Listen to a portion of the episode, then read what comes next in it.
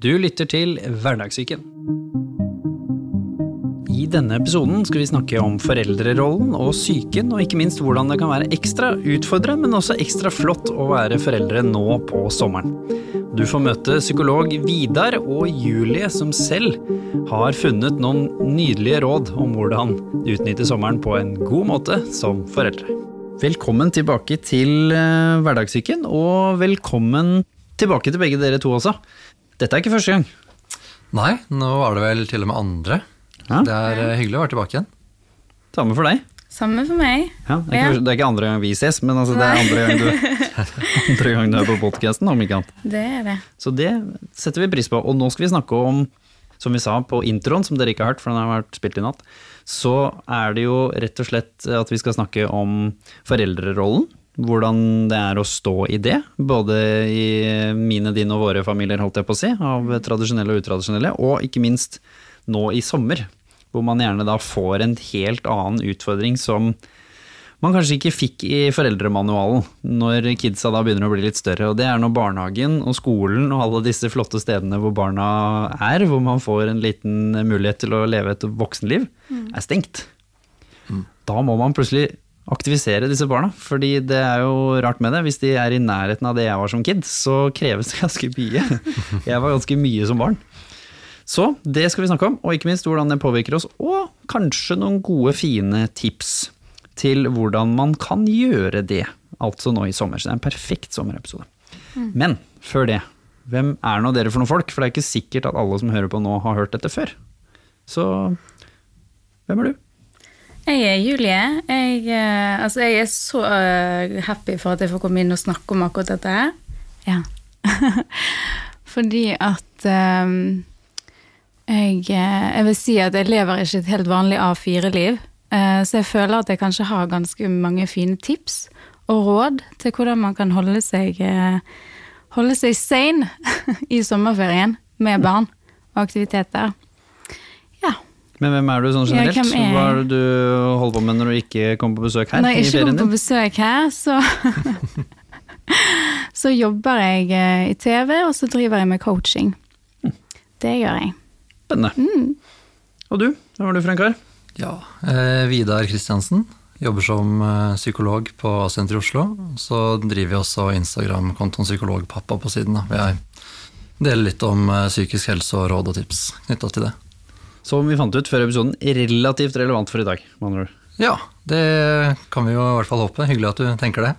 så får vi se. Og så, selv om du ble spurt om det samme sist gang, så lurer jo vi alltid på med fagfolka våre hvorfor i all verden endte du opp med å begynne å studere psykologi?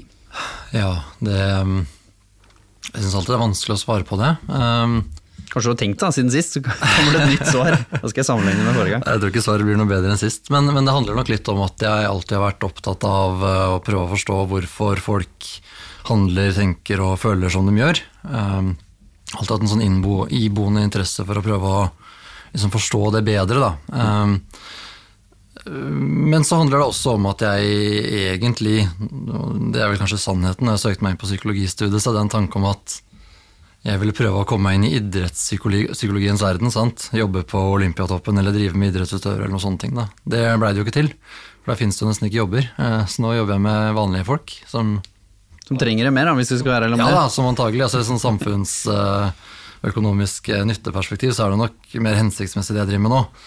Um, Det var kanskje mer spennende enn du trodde òg, når du først nå har kommet liksom ordentlig, ordentlig inn i det. For det er jo lett å tenke åh, idrettspsykologi, for det var jo det jeg brant for også da jeg var yngre. Bare, åh, det er spennende, ikke sant. Jobbe med Ja. toppidrettsutøvere, hvordan bli best. Men så finner man jo ut at vanlige mennesker er ganske spennende. vanlige mennesker er ganske spennende, så jeg trives veldig godt i, i jobben som jeg har endt opp i. Han forsto meg. Å slippe folk ordentlig inn. Følelser inneholder egentlig flere komponenter. Vi har det jo best når vi klarer å fungere godt sammen med andre mennesker. Dette er Hverdagssyken, podkasten hvor vi sammen med fageksperter og mennesker med levd erfaring tar for oss de tabubelagte temaene og psykisk helse i hverdagen. Så før vi liksom eh, graver litt inn i å forstå hva slags type mammarolle og de forskjellige rollene du har hatt, og så skal dere begge få lov å fortelle litt om, for dere er foreldre begge to, om eh, det som kan være utfordrende med det, før vi skal da havne inn i råd og hvordan ting blir bedre, sånn som alltid. Men hvis jeg nå sier sommerferie og mamma til deg, hva er det første som kommer til deg da? Både Yay! av de vanskelige tingene og de gode tingene. Hva er det, hvis du skal definere det? Det første som kommer til meg, er jo det at eh, det da er viktig at jeg eh, legger bort andre ting. Ja. At jeg legger bort eh, andre ting. Og rett og slett er til stede så mye som mulig med han. Eh, og for å kunne gjøre det, så må jeg jo ja, planlegge litt. og så porsjonere ut uh, når jeg kan sette meg ned og få unna litt jobb og mail. Mm. Ja. Så planlegging, kalender, litt sånn ting skal gå opp. Yes, og jeg er jo ikke en person som liker å planlegge. Men akkurat her så må jeg det. Og så må jeg f.eks. stå opp en time før han for å danse litt, høre litt på musikk. Altså få den egentiden som jeg trenger for å ha overskudd og energi til å være med på alt Som skjer. som skjer. Ja.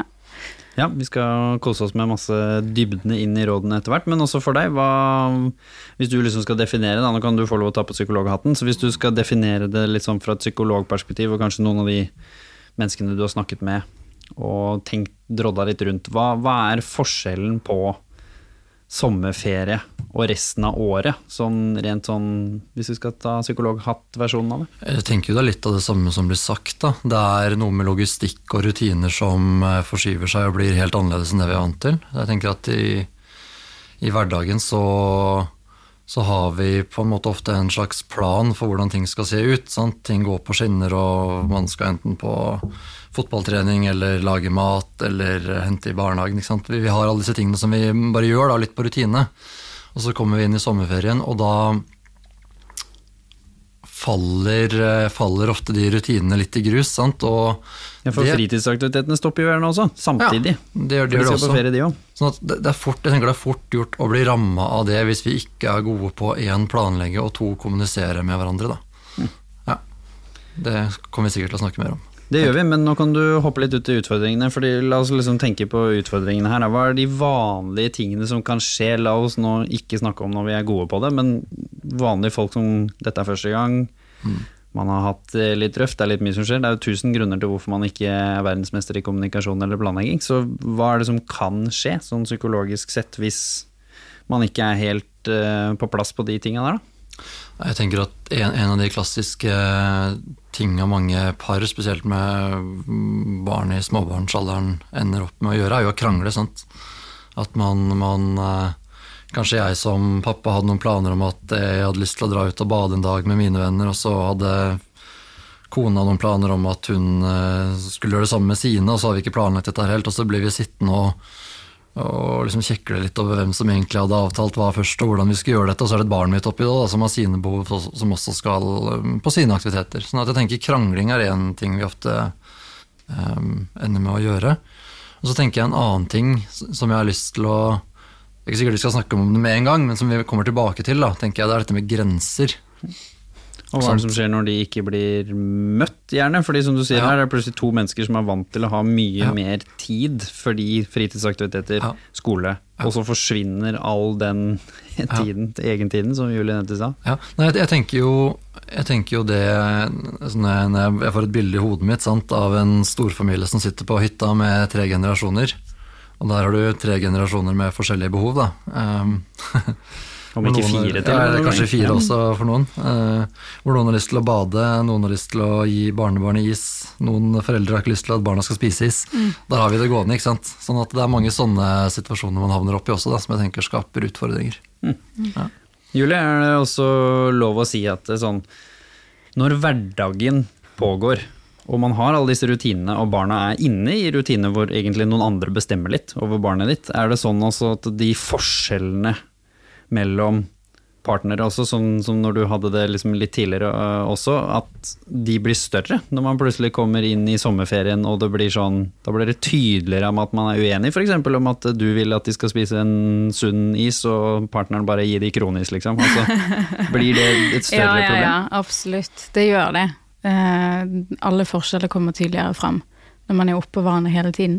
Mm. Det gjør det. Men eh, Hva, hva skjer da? Har du noen eh, stories med liksom Ja, fra deg altså, selv? jeg vet jo Før var jo jeg mye mer eh, altså strict på dette her med sukker og skjermtid. Altså før var jo jeg eh, en av de dumme mammaene som jeg får høre om, som eh, lagde eget godteri og ja, ingen film.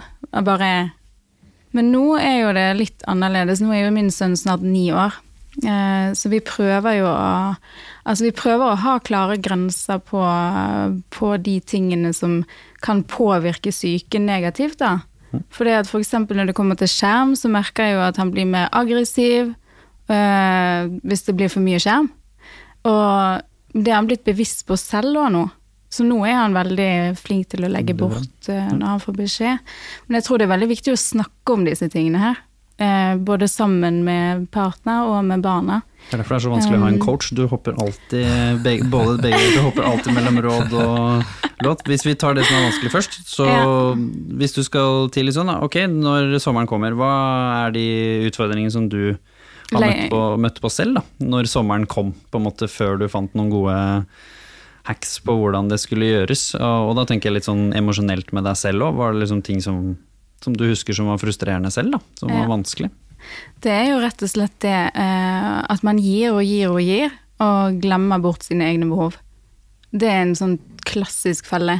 Har du noen gode eksempler som eh, andre kan kjenne seg igjen i? Hva sånne ting du ja, hopper opp i? altså det, det handler jo om at man, man hele tiden skal sørge for at, eh, at barna har det de trenger, da. Og blir med på aktiviteter, og så eh, sitter du deg ikke ned engang. Altså du, det er det. At det, det går bare så i ett. At man eh, til slutt bare mister seg sjøl, da. Og da? da, Inni blir man sliten.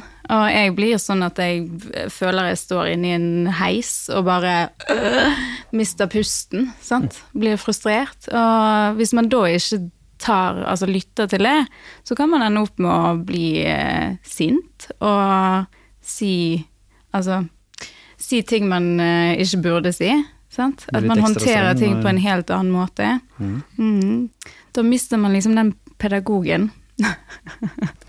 Ja, og ikke minst hva skjer gjerne etter, da? Når man har gjort noe som man vet at liksom dette går jo på tvers av verdiene mine, det er barnet Mm. mitt liksom, Det er jo mye i et mammahjerte som skjer da, hvis du plutselig blir sint på, Mm. på Leon, da, sånn, som alle kan bli hvis, man, hvis det er for mye. Hva er det som skjer etter det Mm. Ja, da får man dårlig samvittighet, og så er vi i gang. ja, ja, søvnproblemer og ja. Skulle du grave litt i de standard psykologiske utfordringene som du har sett? da? Hva er det som gjerne kan skje når, man liksom, når dette får litt utløp utover og man ikke helt får tatt tak i det? Jo, jeg har bare får lyst til å dra det et lite steg tilbake. da. Bare for å si noe først om grenser, og hva jeg tenker grenser er. Bare som en liten sånn um, intro til det.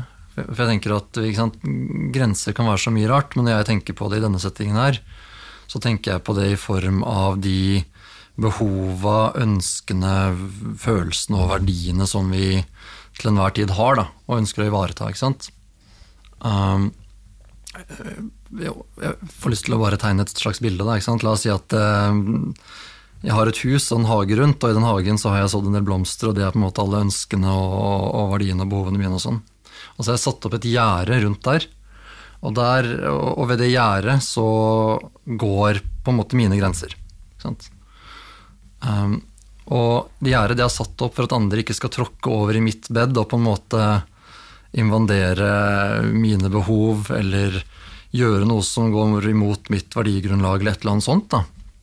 Og jeg tenker at allerede her så, så ryker det for mange, fordi for å opprettholde våre egne grenser, så er vi nødt til å være bevisst dem. ikke sant? Vi er nødt til å vite, eller klare å kjenne etter, da, hva er behovet mitt akkurat nå? Hva er det egentlig jeg trenger? Hva er det jeg ønsker i denne situasjonen her?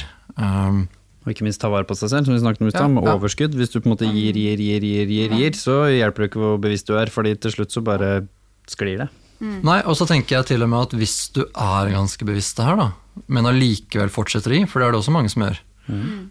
så er vi kanskje på et hakket verre sted, fordi da går vi jo på kompromiss med det vi egentlig tenker vi burde gjøre. ikke sant?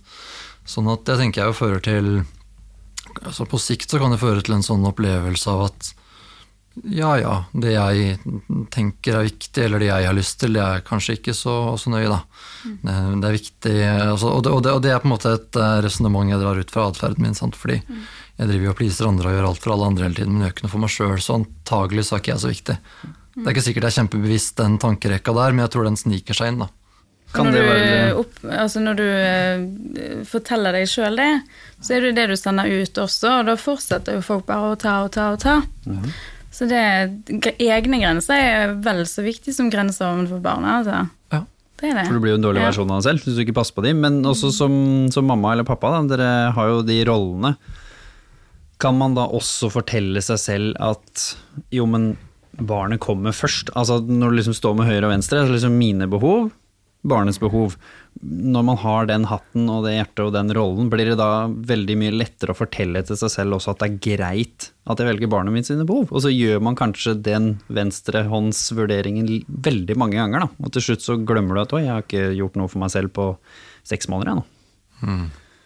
Er det lettere da? Fordi det, hadde, det, hadde vært, det er jo lettere å velge barnet ditt behov vil jeg tippe, enn f.eks. en partners behov. da, ikke sant? Når man har det mamma- eller pappahjertet, og spesielt når sommeren kommer, og du tenker sånn nå må de få kose seg. Ja, altså jeg, jeg, tenker jo det er litt sånn situasjonsavhengig, da, på en måte. Mm. Noen behov er jo behov barna våre åpenbart trenger hjelp med. Sant? Hvis, hvis barnet må bytte bleie, f.eks., så er det ofte et behov du prioriterer om for å lage deg selv kaffe. Eksempel. det ble litt sånn, sånn plumpt og åpenbart. Da. Men, men, fra det til eh, Men, men det fins eh, gråsoner. Da, sant? Fra det til de mindre åpenbare valgene av mine behov versus barnet mitts behov. Um, og jeg tenker at det i alle fall er viktig å ha en bevissthet rundt det. da. Um, jeg har ikke noe, og heldigvis har jeg ikke noe fasitsvar på det, ikke sant? Men, men jeg tenker jo at um, noen ganger så kan jeg tillate meg selv å la andres behov komme foran mine. Med visshet om at nå velger jeg det denne gangen fordi jeg tenker at det er klokt eller det er fint. Mm. Uh, men idet det blir go to-måten min å være i verden på, da, så, så tenker jeg at det, det blir skadelig. Ja. Du er mamma med stor, eh, stor, M. Jeg kan se for meg at du har tenkt dette noen ganger. Og også, du er en sterk kvinne, så man kan jo også tenke at dette går fint. sant? Fordi nå er det sommer, så nå skal Leon få pri, og så passer jeg på meg sjøl til høsten, på en måte. Ja, tidligere så kunne jeg gjøre det. Mm. Ja, men uh, altså, dette er jo en evig læring. Altså, min sønn har vært min største læremester. Virkelig, virkelig. Så det, vi, finner det, ut, vi, finner jo ut, en, eh, en balanse og hva som funker for oss. Men ja. før, før, balansen, så hva, hvordan gjorde du det da? For jeg tror det er mange som kjenner seg igjen, som er jo det vi på en måte skal etablere litt nå. Så hvis du, når du gjorde det, da, hva var det som mm. var litt sånn typiske grunnen til hvorfor du lot det skje over en Når over en jeg gjorde det? Ja. ja. Når jeg lot hans behov eh, gå foran mitt. Mm. Det var jo fordi jeg allerede var så veldig sliten. Eh, jeg var Det var en periode der jeg var veldig syk, eh, med parasitter, og var liksom veldig langt nede. Og følte veldig på det allerede, at gud, jeg er jo ikke meg sjøl, jeg har ikke energi. Jeg har ingenting å gi til han. Så jeg følte jo Eh, jeg følte jo at jeg ikke strakk til som mamma. Og, og, da er det jo lett for at man da bruker det lille man har på å sørge for at han føler seg sett. Eh, selv om jeg da egentlig kanskje skulle hatt en skikkelig timeout for å hente meg inn igjen først, da. Og da er logikken at hvis jeg gjør dette for han, da er jeg bra nok mamma? Mm. Var det som måtte Ja, altså, jeg, tror, jeg tror ikke det er så mye logikk altså, når, man er, når man er i følelsene sine på den måten. Men uh, Nei, det, det, er litt rart å tenke tilbake på, for det er så svart-hvitt fra hvordan ting er nå. Mm. For nå fungerer jo alt kjempebra. For nå, uh, nå, er jo han blitt så stor at vi kan snakke om altså begges behov, og så møtes på det. Det er jo litt viktige ting å ta på, for du, din er halvannet år. Og da er det ikke så mye andreveiskommunikasjon. Så hvorfor er det tilleggsutfordring når man snakker om grenser? Fordi har du barn som, som du sier, altså, som du ikke kan snakke med det om, og ikke ha en fornuftig samtale for hvorfor det ikke blir is, mm. så føles jo disse tingene litt vanskeligere. Ja. Nei, jeg tenker, jo, jeg tenker jo på sett og vis at det gjør Hvordan skal jeg si det på en god måte, da? Altså, det er et eller annet med at jo, jo yngre barna våre er, tenker jeg, da, jo større behov har vi nok for å møte Altså jo, jo, jo større ansvar har vi for å møte deres behov. Nettopp fordi en ettåring klarer ikke nødvendigvis å kommunisere så veldig godt hva han eller henne trenger. ikke sant? Um, og det gjør det jo jeg tenker, det, det gjør det jo vanskeligere også Altså, Hvor er det jeg vil med dette her, da? Um, jeg, tenker at når barna er såpass unge at de ikke klarer å kommunisere sine behov til oss, så er det vår oppgave som voksne å prøve å fange litt opp, eller gjette oss til hva er det, hva er det barnet mitt trenger. da. Uh, og så er det et eller annet med det du sier også som jeg syns er veldig sånn viktig å være bevisst, og det er at når vi blir veldig slitne, når vi opplever å stå i mye stress, press, psykisk uhelse i hverdagen, så er det veldig ofte sånn at evnen vår til å prøve å liksom komme i kontakt med hva vi kjenner på, hva vi trenger, den svekkes. da.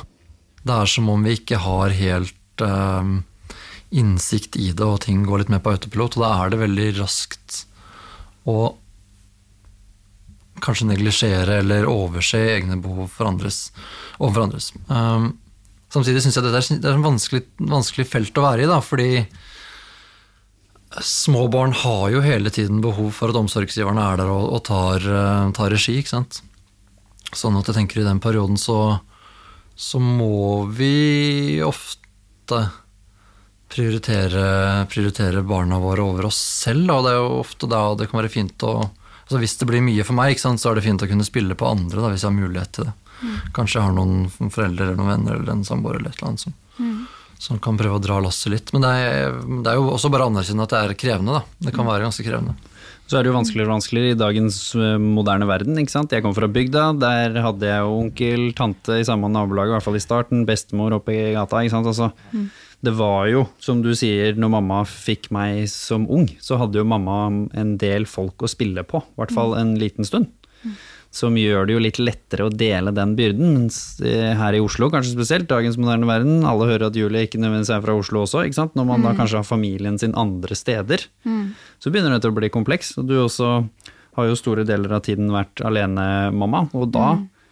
Da er det ikke bare å ringe en venn på en måte Nei. for å passe på. Nei, det er ikke det. Jeg har heldigvis hatt, uh, hatt gode venner rundt meg, men uh, det er vel òg det at man må, man må spørre om hjelp. Man må jo be om hjelp. Og det er jo ikke alle som er, er like flink til det heller. Eh, hvis man allerede er en person som pleaser andre, så ligger jo det kanskje litt langt inne, da. Um, Nei, altså jeg, Det dukker opp mange sånne bilder her nå fra den tiden da jeg var veldig veldig sliten. Altså at Jeg husker når mamma da kom over fjellet for, for, å være med oss. Det første jeg gjorde, var å gå ut i bilen og skrike. Mm. Bare for å få liksom ut alle frustrasjonene mine. sant? Det, jeg fant liksom mine luker, da. Mm. Jeg gjorde det. Men uh, det, det, er tøft å være småbarnsforeldre, altså. Det er det. Hvis man ikke Men det, det, jeg tror kan være et problem nå, det er at det er så veldig mange som bruker mobilen og skjerm som en utgang, de voksne òg. Eh, og det er jo ikke sant, det påvirker søvnkvaliteten. Sant? Så istedenfor å legge seg ned og lukke øynene og være til stede, så søker man utover. Og det vil jo være med på å gi mindre overskudd og påvirke psyken også. Hvorfor gjør Så, vi det? Hvorfor søker vi utover i dagens stressa verden? Det er jo ikke noe tvil om at liksom tempoet er høyere enn når vi var barn selv, vi som sitter her. Så hva er det som gjør at det er så naturlig for oss når jeg får ti minutter, da, når ungen min er på et eller annet, eller en time til og med, hvis ungen er på en aktivitet, og så istedenfor, som Julie sier, å gå meg en tur, kanskje. Mm så setter jeg meg ned og titter på mobilen, svarer på mail hvis det er noe jobb. Altså, hvorfor gjør vi det, istedenfor å ta vare på oss sjøl, når vi egentlig sikkert Jeg vil tro de fleste vet at det er lurere å tusle seg en tur nå hvis du er sliten, enn å sette seg ned og svare på jobbmail. Eller se på Instagram. Mm. Sant. Jeg, jeg, tenker jo i hvert fall at det kan handle om to ting. Um, det kan sikkert handle om tusen ting, men, men de to tingene som dukka opp i hodet mitt umiddelbart, det er jo én at skille, og det tror, jeg, det tror, jeg, er et fenomen som har dukka tydeligere og tydeligere opp de siste fem til ti åra, at skillet mellom jobb og fritid, det blir mer og mer viska ut, sant. Uh, vi har jobbmail på telefonen. Vi kan ringes til alle døgnets tider. Vi har hjemmekontor. Det er liksom vanskelig det der skillet da, mellom når er jeg på jobb og når har jeg fritid, og det gjør det jo litt vanskelig å koble av. Kan gjøre det vanskelig å koble av, i hvert fall. Og Instagram, da, det er jo ikke nødvendigvis jobb, så hvorfor går vi dit istedenfor å gå den Ja, turen? ja, det er jo kanskje enda mer spennende, da, tenker jeg. Eh, Jeg lurer jo litt på hva det handler om selv av og til, og så tenker jeg at noe av svaret ligger i at hvis jeg stopper opp og kjenner etter, så er det kanskje et eller annet ubehag da, som jeg eh, kan prøve å ikke forholde meg til ved å drive og scrolle gjennom Instagram. sant? At det er, kanskje, kanskje jeg da kommer i kontakt med hvor hektisk hverdagen min egentlig er. Kanskje jeg kommer i kontakt med at åh, nå har jeg bare ti minutter, og så er det på'n igjen. Eller nå, nå trenger jeg egentlig Jeg trenger noen livsomveltende greier i livet mitt. Jeg, jeg kan ikke fortsette å ha det sånn, for dette er slitsomt. da. Og, og akkurat de der um, følelsene og tankene og reaksjonene det kan vekke oss, og, og på en måte stoppe opp og kjenne litt etter, hvis, hvis det er det du kommer i kontakt med, da. Det tenker jeg ofte kan være så ubehagelig at unngåelse i form av å scrolle, det, det er liksom Det er så godt fordi det andre er så ubehagelig at vi bare gjør det, da. Som en slags automatikk, nesten. Og hva skjer da, når, som Julie sa i stad, når hun ikke føler seg som en god nok mamma, og det Ja. du faktisk ser er alle de andre alle de andre gåseøynene som da har den perfekte ferien, selvfølgelig dro de til utlandet, det fikk ikke du. Nei, og så har vi Julie, for hun har jo selvfølgelig telt, så hun er den kule mammaen. Ikke sant? Hva, føler man da, når du sitter der og kanskje føler at du mislykkes med, med ferien? Hva skjer med liksom selvverd, selvtillit på en forelder da? Det er vel ikke så rart om man kjenner seg litt utilstrekkelig, da.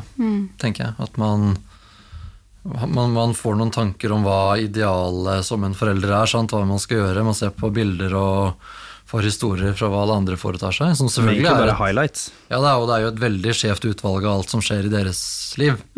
Um, men men vi, vi får vel noen tanker om at åh, dette, dette kunne jeg gjort, dette burde jeg gjort, dette skulle jeg gjort, og så sitter jeg her på en måte og har ikke planlagt ferien min, og sånn så skråler i vei, da. Uh, jeg, tror, jeg tenker jo at det ikke er noe særlig god følelse, um, og at det skaper noen um, Altså fordi vi har noen, noen ganske satte tanker om hva, hva idealet som forelder er, da, så, så, så, som jeg tenker også er ganske vanskelig å leve opp til, så, så kan vi fort havne i den fella at vi, vi opplever at vi ikke er gode nok, at vi ikke strekker til fordi alt skal være så perfekt. Da. Hvor kommer de idealene egentlig fra? Du som drodler og tenker mye En om ting jeg må si nå, for jeg tenker at hvis man bare skal være helt ærlig, da, så er jo det en avhengighet, den mobilen. Sant? Det er jo dopamin og alt dette her som er Og jeg tenker det blir jo som å ta seg en øl. Eller alle de andre avhengigheter. Ta seg en røyk, er eller, en eller en Sant. snus, eller Så Eller en snus, ja. Ja, det er mange avhengigheter der. Hvor kommer det idealet fra, du som tenker mye over sosiale medier og press og ting som er rundt? Hvor tror du det som foreldre i dag sitter med, er det de burde gjøre, kommer fra? Hvis du skulle sagt din mening. Eh, det kommer Altså Hvis man ser innover istedenfor å se utover hele tiden, så er det jo ingenting som kan påvirke deg. Så jeg tenker jo at eh, det beste du kan gjøre, er å legge bort den mobilen, fordi at eh, alt der ute er for at de skal tjene penger, og det er Altså, jeg kjenner jo at jeg får jo helt uh, fnatt når jeg går inn på Instagram, så jeg scroller jo aldri. Jeg bruker det til å, hvis jeg skal dele noen ting, komme med noe informasjon, eller eh, kommunisere med venner og Så du mener det kommer fra sånn. Instagram, på en måte? Eller Altså, det ideale? Hvor det kommer det. Ja, altså, nei, det kommer jo fra alt. Det kommer jo fra sånn naboen Med en gang man begynner å sammenligne seg sjøl med andre, og se ut, altså for eh, eh, utover, så, så vil det jo kunne påvirke deg hvis du er sliten eller er på et dårlig sted, da. Til og med hvis du ikke er på et dårlig sted, for det er jo underbevisst. Veldig mye av vår eh, oppfattelse av oss selv skjer jo underbevisst. Det er jo lett å glemme her. Altså, man kan være så tilstedeværende vesen som vi bare vil, men eh, det er ganske mye som skjer eh, inni det berømte bakhodet vårt, eller den delen av hjernen som, som er underbevisst. Så hva er det som foregår der, hvis du skal ta oss en liten tur der? Hvorfor er det, selv om man er bevisst, hvorfor er det mange av disse tingene skjer allikevel? Altså, jeg tenker jo at i, i løpet av en dag så er jeg i kontakt med, eller jeg får en sånn utrolig stor load av sanseinntrykk da, ikke sant, inn hele tiden.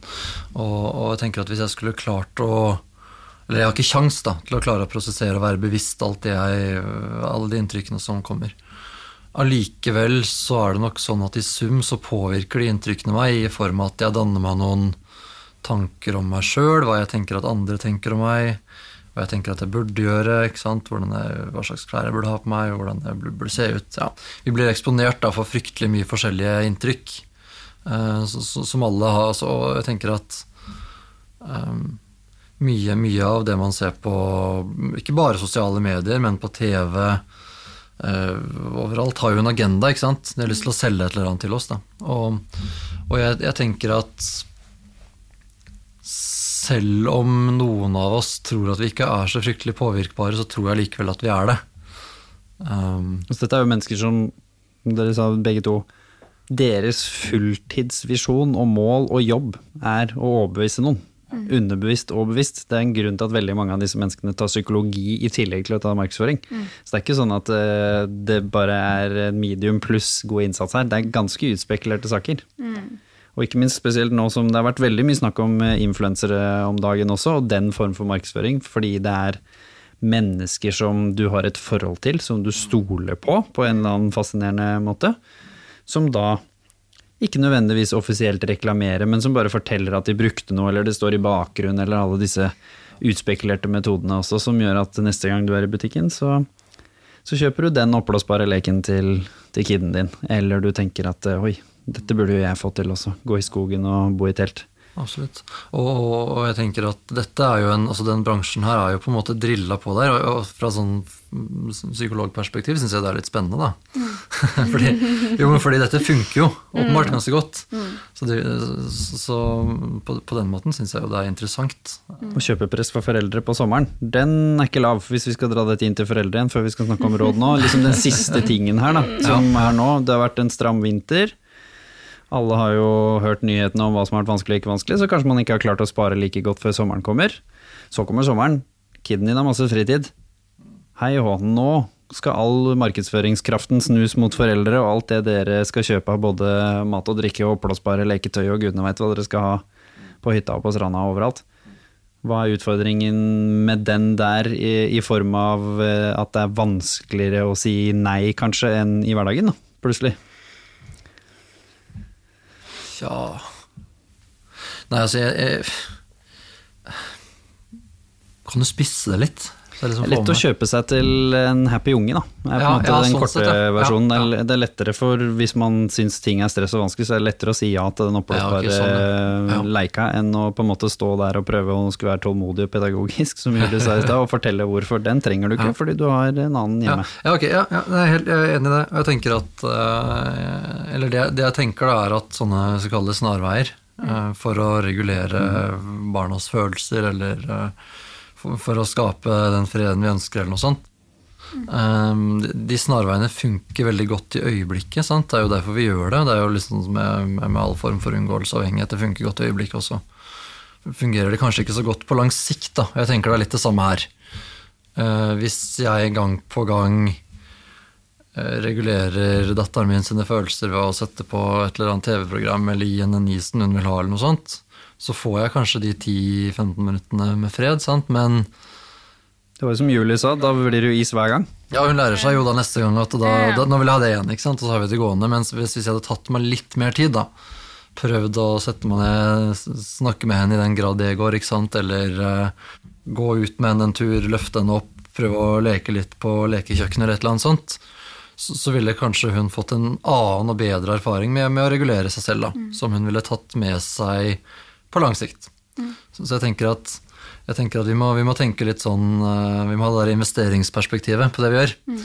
Altså at når, eh, når, jeg gjør et eller annet som koster meg litt mer her og nå, så får jeg antagelig også en større avkastning fram i tid, i form av et barn som er mer uh, in tune med seg selv, mer i kontakt med sine egne følelser og kanskje regulerer seg selv bedre. Da. Mm. Ja, du som Jeg var litt streng, da, som du sa. Hva, hva tenker du om dette? Hvordan skal man lykkes med å, å gjøre dette selv når man kanskje ikke er 100% på topp selv? Da? Hvordan skal man vinne kampen med seg selv? Altså, jeg tenker jo at uh, det beste rådet jeg kan gi, er å faktisk sørge for at du tar vare på deg sjøl først. For når du da har overskudd og, og er i kontakt med deg sjøl, så klarer du å håndtere situasjonen bedre. Og jeg tenker jo alltid det at jeg oppdrar en framtidig ektemann, venn, altså en som, eh, sant, som Fremtidig sønn som skal passe på deg. Fremtidig sønn som skal passe på meg. Nei. Det, Det var i gamle dager. Ja. Nei, så jeg tenker jo at det er ekstremt viktig å ha klare grenser på, på de tingene der. Og eh, altså gi gode verdier, da. Det er jo ikke Jeg er mer for eh, å bruke penger på opplevelser. Sant? Og gjerne gjøre ting som ikke koster noe, enn at man skal kjøpe alt mulig. Det er en sunn læring, det òg. Å vise Jeg husker jo noe av det viktigste jeg ble lært, det var at jeg måtte spare sjøl. Så da var det sånn, ok, du kan gjerne få lov å tjene penger, ikke sant. Og så var de litt snille med det, men de var jo også litt gjennomtenkt med det. Ok, ikke sant, her er masse måter du kan tjene penger på. Masse ting vi trenger å få gjort. Som du kan tjene penger på. Det var jo selvfølgelig småting, det var en tiere og sånn småplukk her, men så fortalte de meg også at det du ba om i stad, koster så mye. Er Underbevisst mattelæring òg. Så sa de ja, hvis du gjør så og så mange oppgaver, så, så kan du gå og kjøpe den hvis du vil, men da fortalte de jo også at hvis du kjøper den, så er det jo tomt. Ja. Da blir det ikke noe is etterpå. Altså, så, liksom, så de ga meg jo også plutselig muligheten til å kjenne litt på at Vent litt, nummer én, jeg kan ikke få alt. Fordi penger faktisk kommer fra et sted, det er jo en sunn læring i seg selv. Men også så måtte jeg som barn begynne å bli utfordra på at jeg måtte velge. Det var ganske fornuftig, for da fant jeg ut at ja, men det var kanskje ikke så viktig, den der oppblåsbare leiken. Jeg hadde ADHD likevel, jeg hadde aldri lagt meg på den madrassen i fire sekunder. ikke sant? Det var bare fordi en- kompis av meg hadde den, eller en venninne hadde den, eller hva nå enn som var grunnen. Ja. Som også er jo sunt. Men eh, når du liksom tar dette her eh, videre inn i sommeren, da, nå er vi inne i råd og positivitet-delen her, så liksom hvordan hvordan klarte man da, i ditt tilfelle, Julie, å skjønne at nei, nå, nå, må jeg, nå må jeg passe på hagen min og blomstene mine, fordi hvis ikke så klarer jeg ikke å ha overskudd til å være den mammaen jeg har lyst til å være. Så hvordan snudde du litt rundt og begynte å ta, ta deg selv litt først også, og så den positive biten det hadde på da tiden din og overskuddet ditt med Milian? Um, ja, det er et stort spørsmål. Um, jeg eh, Det har jo skjedd sånn gradvis, så det handler jo mer om at jeg har gjerne ehm, Gjerne tatt han med inn i min verden, på en måte. Sant? Med at jeg eh, Når jeg har gjort yoga, så har jeg tatt han med på det. Eh, Når jeg skal lage mat, istedenfor å føle at åh, nå gjør jeg alt, så inkluderer jeg han. Og han syns jo det er kjempefint og føler mestring og koser seg med å kunne hjelpe til. Um, og så um, Ja, rett og slett bare sørget for at jeg klarer å flette inn de tingene jeg trenger for å være den beste utgaven av meg sjøl. Som å stå opp en time tidligere. Hva Ja. får du av det? Hva er forskjellen på når du gjør det, og når du ikke gjør det? Altså, det er jo litt morsomt. Det, nå, eh, nå satte jeg på klokken eh, klokken syv og satt på full musikk. For jeg trenger litt tid aleine for å gjentenke over drømmene mine og bare reflektere over dagen som har vært. Tenke over dagen som skal komme. Eh, og det er for meg da, så fungerer det veldig bra, for da kan jeg gå inn og vekke han og god morgen, være superglad. sant? Men hvis han kommer og vekker meg, så vet jo ikke jeg hvor jeg er i søvnsyklusen, og så er det masse spørsmål før du rekker å kjenne etter hvordan du har det. Så det er litt med å på en måte ta ja, Liten check-in. ta en liten check-in. Nå nikker du fælt. Um, Hvorfor er det lurt psykologisk å ta en liten check-in? Og igjen, det er ingen av de tingene vi snakker om her som er sånn som du må gjøre hver dag. Det er lov å ikke få det til fordi man skal stå opp fem og rekke et fly, eller altså. Ja. Men her snakker vi om at det er viktig å prøve å prioritere det, sånn at det skjer oftere enn motsatt. Ja, nei, jeg tenker jo det å ta en check-in, eller det å altså Jeg tenker at mye av god psykisk helse handler om å være bevisst seg sjøl og hvordan man har det, da, ikke sant. Eh, Fordi man kan jo våkne opp og, og ha en dårlig dag, eller kjenne at nå, nå sitter jeg med noen kjipe tanker, eller dette plager meg. Og det er så utrolig viktig, tenker jeg da, å være bevisst det. At 'oi, ja, nå dukka den tanken opp', ja. Ok, så det er det jeg liksom sitter og kjenner litt på i dag. Hva kan jeg gjøre med det? Heller enn å våkne eller bli vekka sant, og på en måte fortsatt ha den dårlige tanken i bakhodet, og så bli prega av det da, i møte med sønnen din, f.eks. Mm. Så jeg tenker at det å, det å hele tiden Eh, vi skal ikke gjøre det sånn i det uendelige, men det å av og til sette oss ned, ta en liten mental check-in med oss selv. Hvor er jeg nå, hva, hva, sitter jeg med? Det tenker jeg er ganske sunt. Altså. Mm.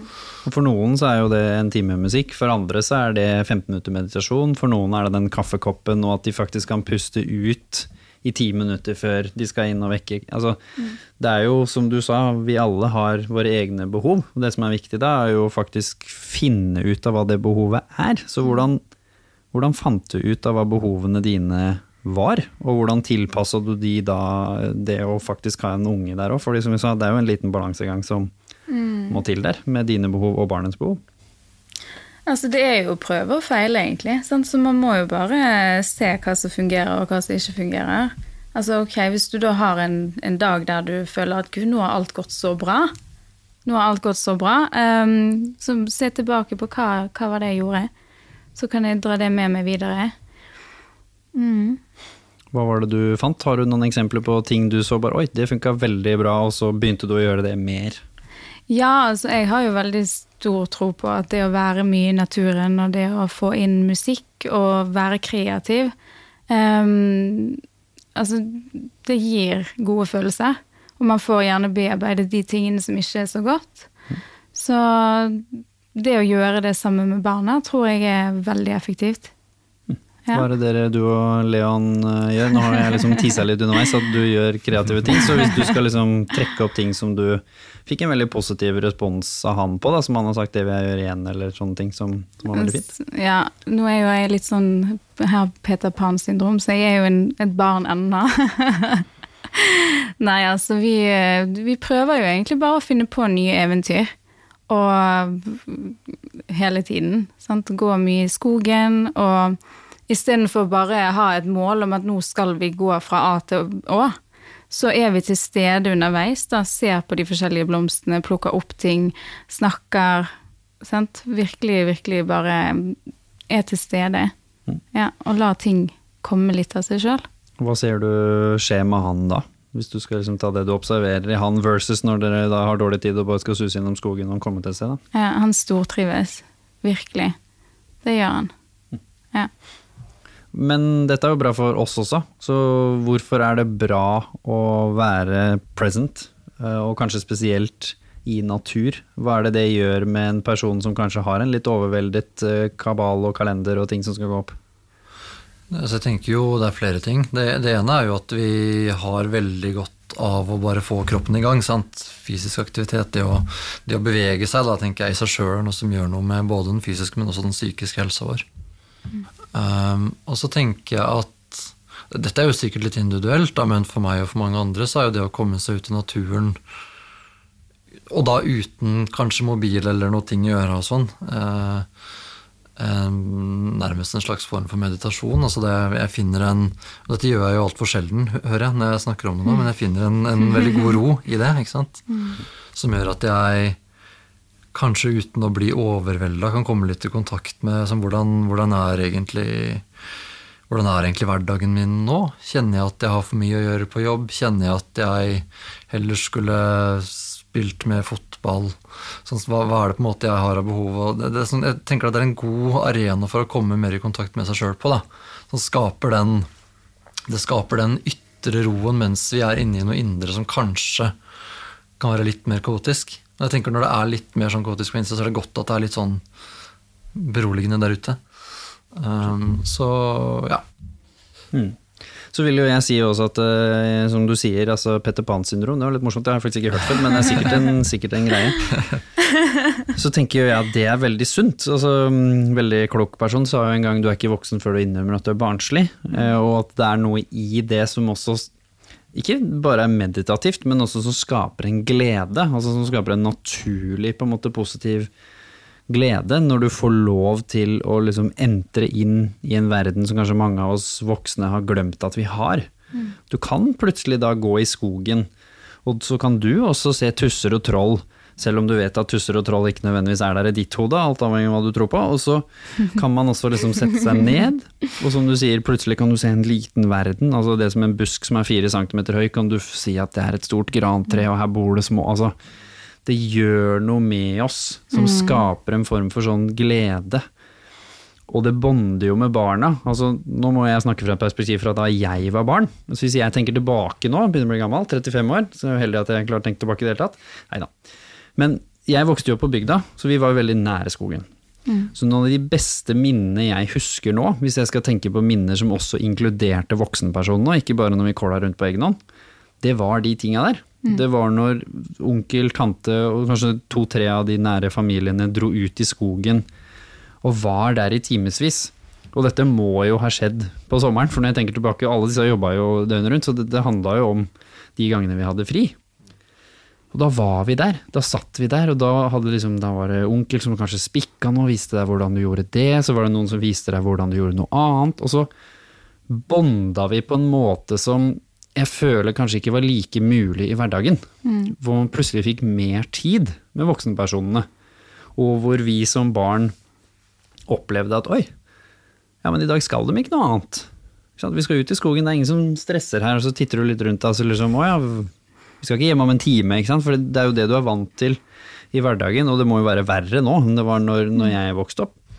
Så jeg tenker at det er jo en helt nydelig mulighet til å bonde med barna dine og faktisk få lov å bli litt kjent med de òg. For det er jo mange foreldre som kjenner barna sine dårligere enn lærere og barnehagelærere, fordi de, altså, på grunn av hvordan hverdagen er satt opp, og at barn gjerne går i sengs litt tidlig, så har man jo faktisk ikke så mye tid med barna sine.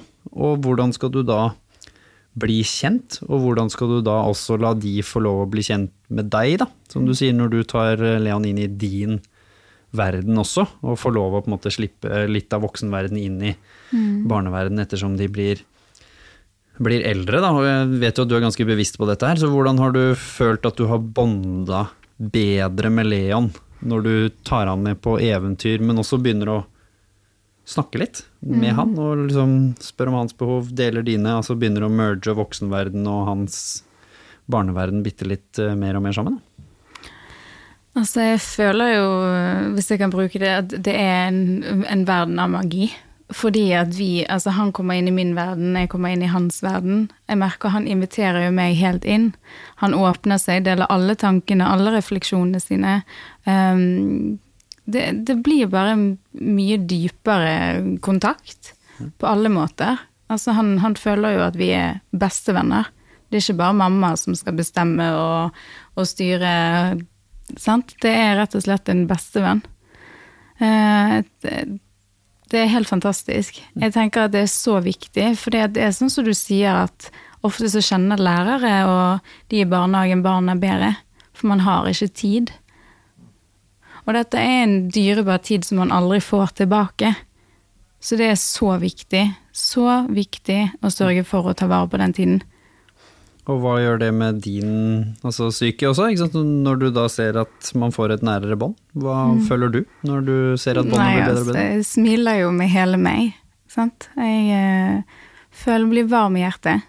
Ja. Takknemlig for livet, for eh, han, for alt. Det, det gjør noe med, med hele tilværelsen, rett og slett. Føler du også at det Mm. er lettere å ta de samtalene da om å ikke få den isen, på en måte, når man har et så Ja, tettere ja, bånd enn hvis du ikke hadde det og bare var den strenge mammaen? Det er som superenkelt. Ja. Nå er det sånn at han Tidligere så var det jo sånn at man, nei, det får du ikke, og så blir det krangling og skriking og grining og Men nå er det jo sånn nå, Han er jo så morsom. Nå kommer det gjerne sånn «Åh!» Og så ser jeg på han, og så begynner han å le. Sant? Han tuller jo bare. Så det er det. Humor òg. Altså den det er bare helt fantastisk når du kommer inn der, får lov å komme inn i verden til barnet ditt, og du, eh, sant? du merker jo eh, ja, humoren og tankene, og man lærer så mye. Virkelig. Ja, Hva er det du lærer av barna, eller hva er det vi voksne kan lære av barna, og du har noen eksempler? Veldig det med tilstedeværelse i nuet. Det å komme tilbake inn til det drømmene eh, Ja, få tilbake hverdagsmagien, da. Og hva er det du på en måte har lært om deg selv ved å være småbarnspappa? Du har jo ikke, hun har jo ikke blitt gammel nok til å slippe deg inn i hennes verden helt enda, men hva på en måte har du lært om deg selv som du ikke visste før du ble pappa? Ja, godt spørsmål. Uh, Bare gode spørsmål her. ja, jeg har, vel, eh, jeg har vel lært eller blitt bevisst at verdenen min beveger seg veldig fort, og jeg har behov for å bevege meg litt saktere. Um, det har jeg kjent på. Altså nå, det har jeg vel kjent på i et og et halvt år nå, på en måte prøvd å, å imøtekomme det litt. Da. Uh, jeg merker hvor godt jeg syns det er når jeg bare setter meg ned med henne og prøver å lese en bok sammen med henne, eller uh, bygge litt Duplo eller et eller annet sånt. Um, så, så jeg, har nok, har nok blitt bevisst hvor, hvor um, raskt min verden går, da, og at, at, det er et tempo jeg for så vidt takler, men, men som jeg ikke nødvendigvis liker så godt i en så stor fart. Og det har vært ganske interessant da, for meg å bli, bli mer bevisst. Filosofiske tanker ut fordi du har blitt tvunget til å måtte oppleve noe annet, rett og slett? Ja, ja altså litt, litt den der opplevelsen av at uh, og nå, nå, sier jeg en ting, og så handler det annerledes, da, men at det f.eks. er galskap å jobbe åtte til fire-fem dager i uka i 50 år, ikke sant? jeg kommer jo sikkert til å gjøre det, det er ikke det. Men, men at det er, det er, en eller annen verdi i det å prøve å, å, roe ned litt av og til, og bare kjenne etter hva som dukker opp, være litt i nået, ikke sant. Det, det, tenker jeg at mange, meg inkludert, er litt for dårlig på. Da. Og det har jeg fått en ganske kraftig, kraftig påminner eller oppvekker på. Mm. Siste utfordringen som mange kjenner på. Det er mange der ute som har foreldre som, som er skilt, eller som ikke nødvendigvis var sammen i utgangspunktet, sånn som mine foreldre, hvor man da på sommeren må jo begynne å dele litt. ikke sant? Du tar først og jeg tar sist og litt sånn om hverandre. Da kommer det jo en ekstra element i det, som du også har kjent på, da, som har jo hatt Leon da til og fra, som er jo at når han er hos deg, nå må det være bra. Fordi det blir jo litt sånn at selvfølgelig når man har avmålt tid også, og kanskje til og med litt inn i hodet sitt, og så kjenner litt på at det, sånn, det må jo være bedre hos meg. Sånn det jeg tenkte, jeg er konkurransemenneske, så det må jo være bedre hos meg enn hos noen andre, ikke sant.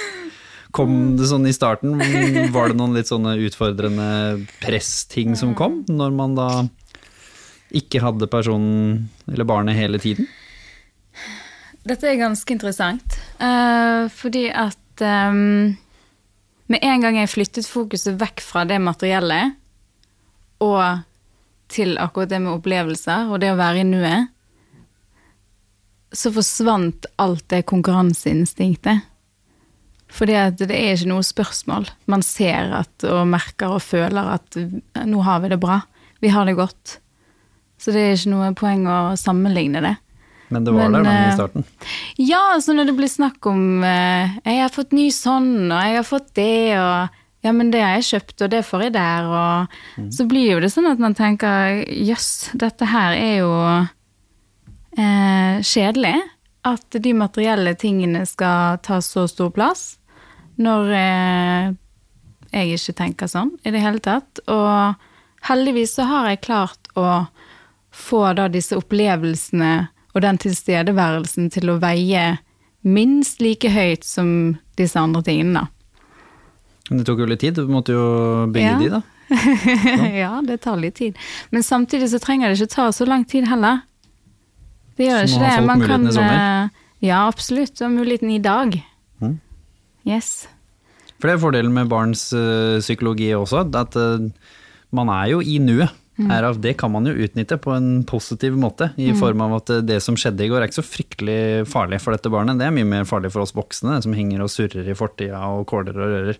I hvert fall sånn i bevisstheten, da. Selvfølgelig, det er jo mye i underbevisstheten og traumer og de tingene, men det er ikke det vi snakker om her. At hvis de da ikke fikk isen de ville i går, mm. og du drar ut i skogen i dag og skaper en magisk dag, så har de glemt den isen for lengst. Mm. Så hvordan tenker du at det er noe foreldre kanskje skal tenke på? fordi det er jo mer i huet vårt at det lever, at vi gjorde noe uheldig i går. Ja, jeg, jeg tenker at eh, Og det, det er jeg egentlig ganske opptatt av. At som, som, foreldre og omsorgsgivere så kommer vi aldri til å være perfekte, og jeg tenker ikke at det er et mål heller. Målet mitt som pappa er å være god nok. Mm. Og så det, kan vi sitte her i en time til og definere hva god nok er. Sant? Det er kanskje ikke så farlig, da, men, men jeg tenker at den, den eh, Det kan man ta med seg hjem da, og roe seg litt med at ok, kanskje jeg gjorde det, kanskje det ble litt klønete det jeg sa til datteren min akkurat den gangen hun ble lei seg. ja. Eh, Kanskje jeg skulle gitt henne isen den ene gangen, eller kanskje jeg skulle sagt det på en annen måte. Vi, vi gjør alle noen feil, og vi gjør alle veldig mye bra, tenker jeg, som omsorgsgivere, de fleste av oss. Og jeg tenker det må være en eh, I hvert fall er det det for meg, det er en verdi å tenke at jeg er stort sett god nok. Og det tenker jeg stort sett er bra nok.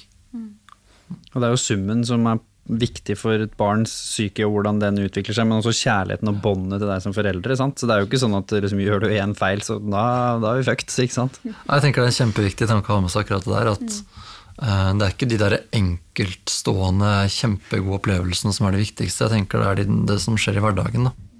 Gang på gang. Absolutt. Sist, men ikke minst, hvis dere skal da gi noen litt sånn sommertips, da. Litt sånn ting som folk liksom kan teste ut, som kanskje er litt sånn go tos. Vi begynner med deg, eh, Julie. Hvis du skulle gitt litt sånn fem ting da, on top of your head, som kanskje er litt sånn forskjellige typer ting, altså, så man kan prøve alt fra en bitte liten ting til et mer større eventyr. Tenker du sånne aktiviteter? Ja, Ja. fem konkrete ting som Oi. folk kan prøve nå i sommer med Ja. sine barn. Ja. Um, ok. Um, La oss begynne med det lille, da. Ja, Bitte liten ting som kan skje Altså Hvis det er dårlig vær, så tenker jeg bare dra fram malesaker, sett på musikk. Altså Vis barnet ditt hvem du er. Hva som bor inni deg, sånn at de kan få bli kjent med deg og føle seg trygg på å vise hvem de er. Så vær, vær kreativ. Prøv, eh, prøv noe nytt, men, men gjør det sammen med de, og legg bort Altså Den skjermtiden den gjelder ikke bare for barna, den gjelder for de voksne òg. For det at eh, det, det merkes når man sitter mye på, på skjerm, altså da føler man seg eh, ikke sett.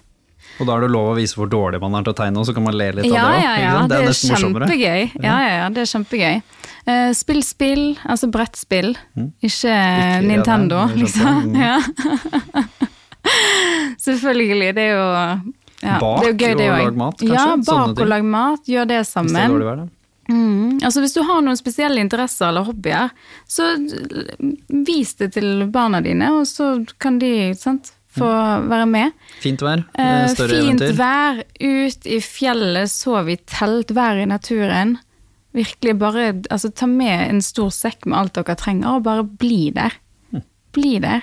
Utforsk. Hvis du har dårlig tid og ikke skal være der, for da vet du at du har en annen løsning. Hva, nei, jeg tenker hvis du bare har den ene kvelden til eventyr, hva kan man gjøre med teltet da? Eh, hvis man bare har én kveld, så man må hjem igjen.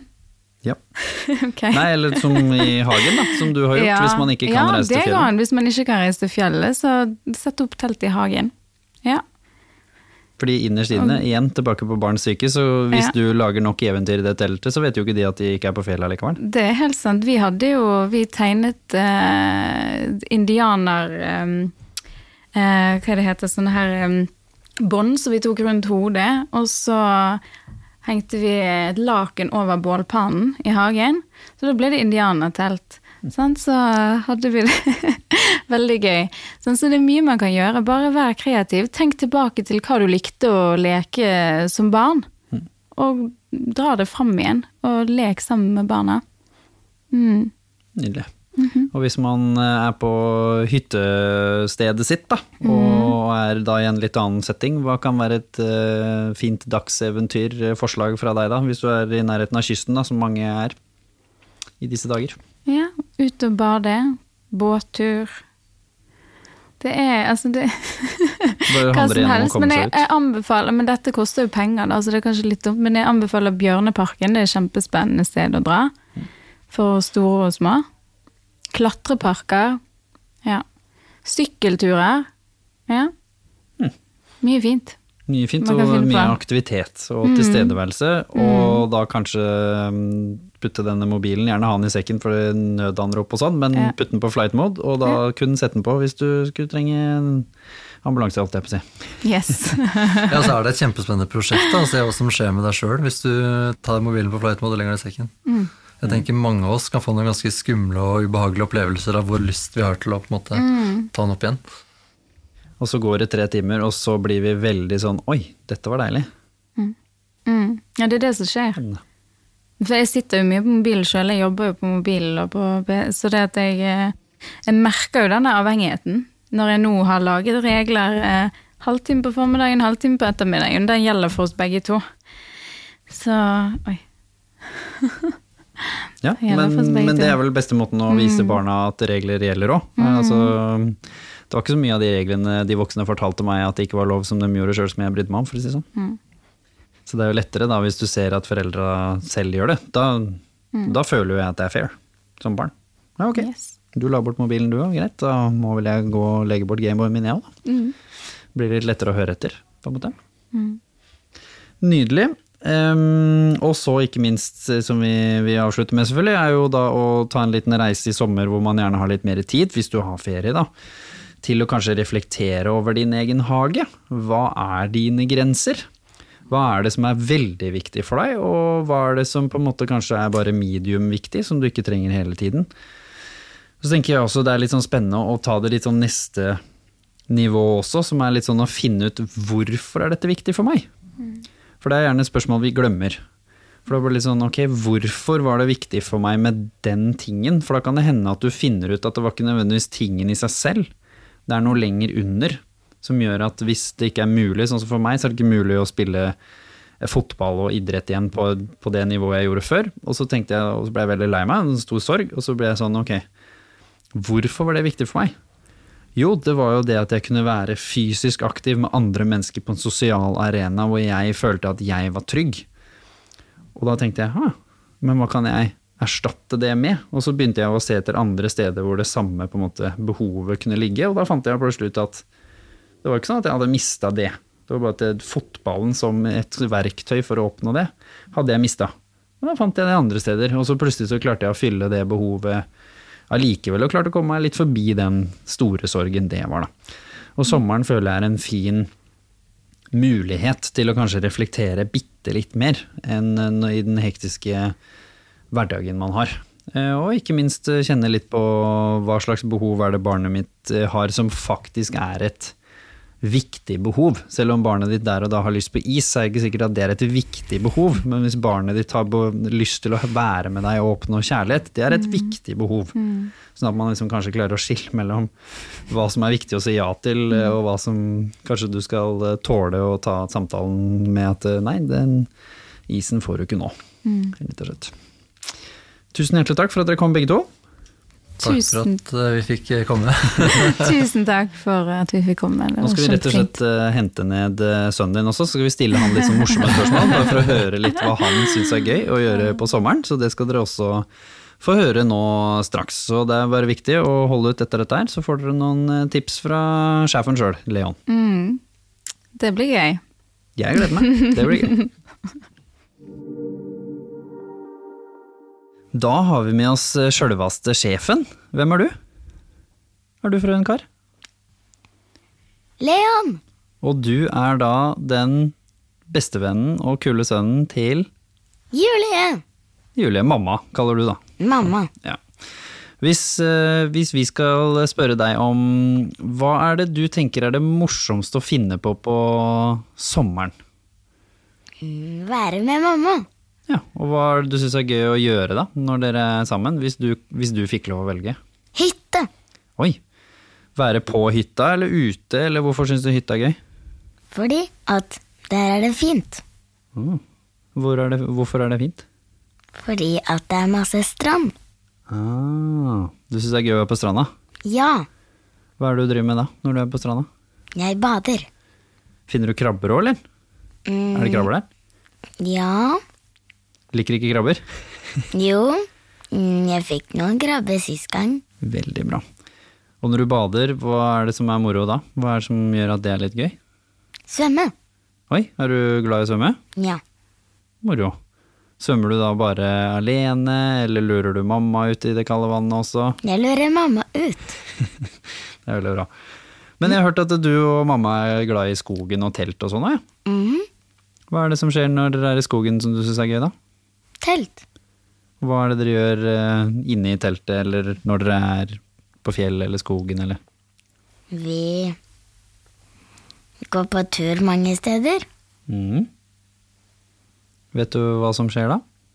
Når man er på tur? Hva er det du pleier å finne på da, eller kjenne på, føle på? Mm, Være ute i skogen med mamma. Mm. Skravler dere da, eller? Hva er det som skjer da? Vi plukker bær.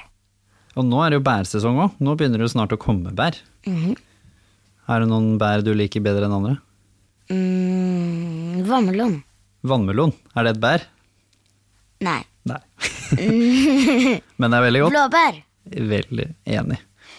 Men jeg har også hørt at dere lager litt sånn små morsomme historier og sånn når dere er ute i skogen og kanskje ser litt sånn på, plukker opp ting og forteller hva det er og Mhm. Hvorfor syns du det er eh, moro, da? Fordi at det er gøy. Mm. Er det litt deilig å ha fri fra skolen, eller åssen er det? Det er gøy.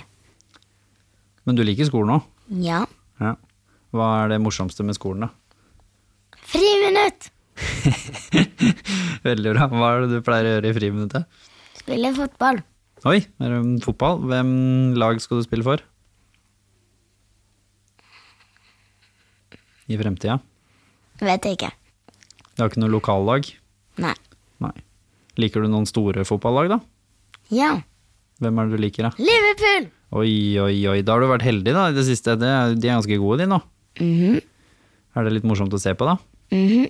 Og så går du ut, og så er du Mohammed Salah i hagen etterpå? Ja. Så du liker aktiviteter. Det er det som er litt moro. Mhm. Ja. Og så er det jo andre ting man kan gjøre. Hvis det er dårlig vær, oi, oi, oi, det skjer på sommeren det, at ikke det blir fint vær. Hva er det du liker å gjøre da, når dere må være inne? Se på film med mamma. Oi.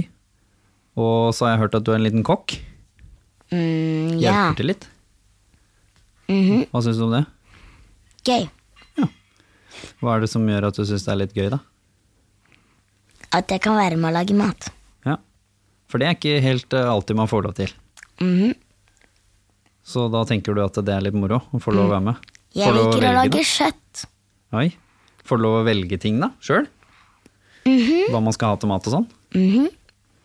Moro. Og så litt sånn generelt, da, hvis du får muligheten til å, å henge med andre kids også, hva syns du er gøy å gjøre når du henger med andre barn? Vet ikke. Kanskje spille fotball hele tiden. Spille fotball hele tiden? Ja. Ja. Det er, husker jeg også, hvor man bare spilte, spilte, spilte, spilte hele dagen. Det er veldig moro. Hvilken posisjon har du da? Er du forsvar? Jeg pleier å bytte på litt, egentlig. Ja, Jeg liker best å skåre mål. veldig bra. Det gjør vi alle, og det er på en måte det som gjør at man vinner kamp da til slutt. Ja. Så det er veldig fint. Mhm. Er det noe annet du har lyst til å si da, til andre barn der ute som eh, går inn i sommeren? Er det noe du, noen eh, forslag du har lyst til å komme med til de, hva de skal finne på eller si til mammaene sine eller pappaene sine? Bare å spill fotball! bare spill fotball? Har du to til? To råd til? Hva skal de si til foreldra sine for å ta de med ut av huset? Kom og bli med! Ja, det pleier å funke? Ja. Ja. Og Og så må sånn jeg dra med mamma. fysisk dra med, så kan du hente hånda, så liksom kom, kom, nå går vi. Mhm. Veldig bra. Tusen takk for at du ble med i podkasten. Ga litt tips og råd. Ja! Syns du det var gøy, da? Ja. Nå har du offisielt vært med, og veldig mange mennesker som har hørt på hva du har sagt. Husk å spille fotball! Husk å spille fotball. Veldig bra. Tusen, tusen takk. Takk for at du ble med. God sommer, da. God sommer.